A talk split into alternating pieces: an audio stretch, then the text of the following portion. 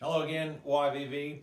I thought I would take a few minutes to talk a little bit about the mark of the beast because we really don't have time during the sermon series for me to sort of deviate into that pathway. There's too many other things to talk about. So I thought I'd make this video to talk about the so-called mark of the beast. And you know, there's probably no other concept in the Bible that generates as much grist for the Christian rumor mill as does this idea of the mark of the beast. And there's a lot of theories, of course, that make the rounds, you know, anything from uh, subdermal uh, microchips in your right hand or your forehead to barcodes to more recently, I guess, vaccines. but I want to suggest to you that actually the reality behind this mark is far less sensational than what's offered by a lot of these different popular theories.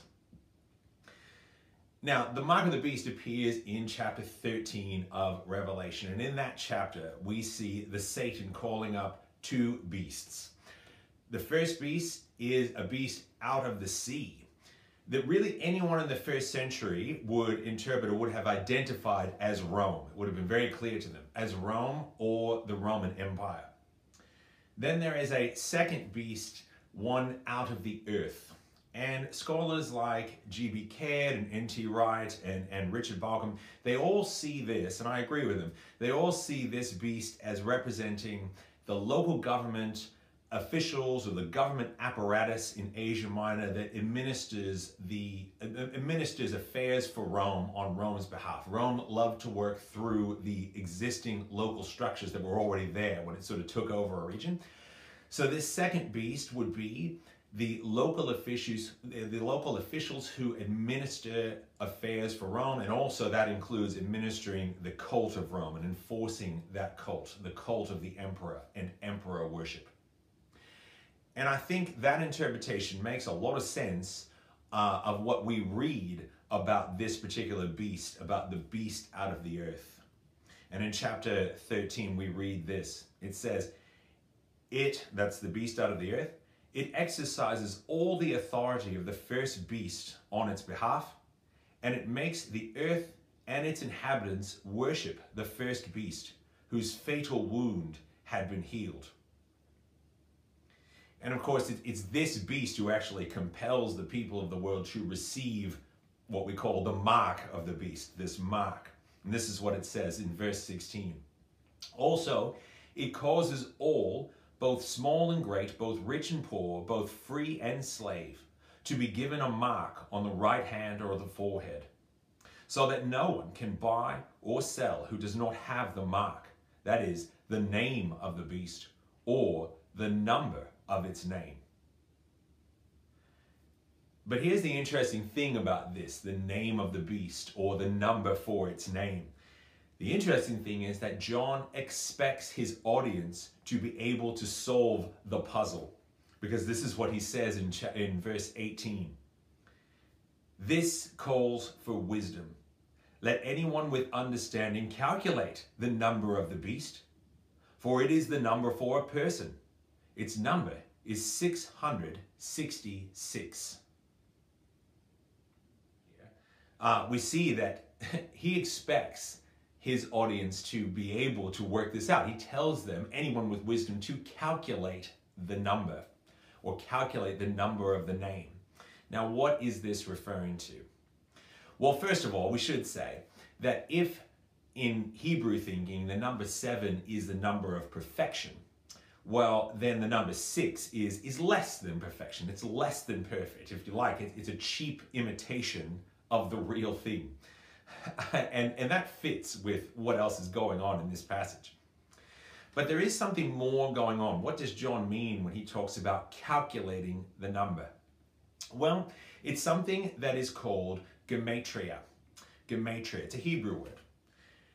And the way we understand this is, is like so. Ancient languages like Greek, like Latin, like Hebrew, they did not have numerals the way that we have numerals today to write our numbers instead of numerals, they would use letters to write numbers. And, and we, we sort of, we're familiar with this idea because we're familiar with Roman numerals. Well, of course, Roman numerals are, are actually just Roman or Latin letters that Roman people and Latin speakers would use to write their numbers. And other languages, of course, had this as well. Hebrew would do this, Greek would do this. And so people would, would play a little bit of a game with people's names and with the numbers that their names would, would calculate. So it was, a, it was you would reference people by using the, the numbers made by adding up the value of the different letters in their names. We have examples of this actually in, in the Roman world. Uh, when uh, Pompeii, the city of Pompeii, was buried by the uh, the volcano Vesuvius. Of course, it preserved that entire town, and and in very in very recent history, the last say 300 years, it was excavated, and so we have you know we have a, a very well preserved town in Pompeii. One of the things that was found in Pompeii was graffiti, and the graffiti read this: "I love her whose number is 545." And of course, it's, it's almost like a it's almost like a school kids game that they would play in in the classes that I would teach. You know, sort of passing notes to each other. Well, of course, this is a this is a reference to an actual person whose number is 545, and I suppose uh, people could perhaps use the number to work out the girl that this person was talking about or the, the, the, the boy that this person was talking about, or perhaps it's a message directly to that person, hoping that they'll work out the number of the name. Well, all that to say this that actually, the words Nero Caesar or the name Nero Caesar in Hebrew happens to yield the number 666 when you use this system to calculate the value of the letters of Nero Caesar. Now, you might ask, or you might be listening to this and say, is it really that easy? Well, well, yes, actually, we can be pretty sure that it is just that easy. One of the ways is this there's a second way, believe it or not. There's a second way to actually render Caesar Nero in Hebrew, which would yield a different number, which would actually yield the number 616. And sure enough, we actually have early manuscripts of Revelation where the number of the beast is given as 616. As though sort of a scribe or copyist came to this passage of Revelation, understood that the reference was to Nero, but adjusted the number to, to match a, a different Hebrew rendering of the name. Now, Nero, of course, was a famous persecutor of Christians, and, and Nero had died by his own hand in AD 68. But there was a widespread conspiracy theory floating around that he he wasn't really dead that he was he was just in hiding and he would rise again to retake control of the Roman Empire. In fact actually a few guys even sort of popped up claiming that they were him that they were Nero. Uh, one of them was even supported by the Parthian government in their hopes to sort of uh, to sort of take control of Rome themselves and that actually might be what's behind the the wound that the head of the the monster or the beast from the sea has. It says that he has a wound one of his heads has been wounded and has been healed and it's referenced a number of times in this passage.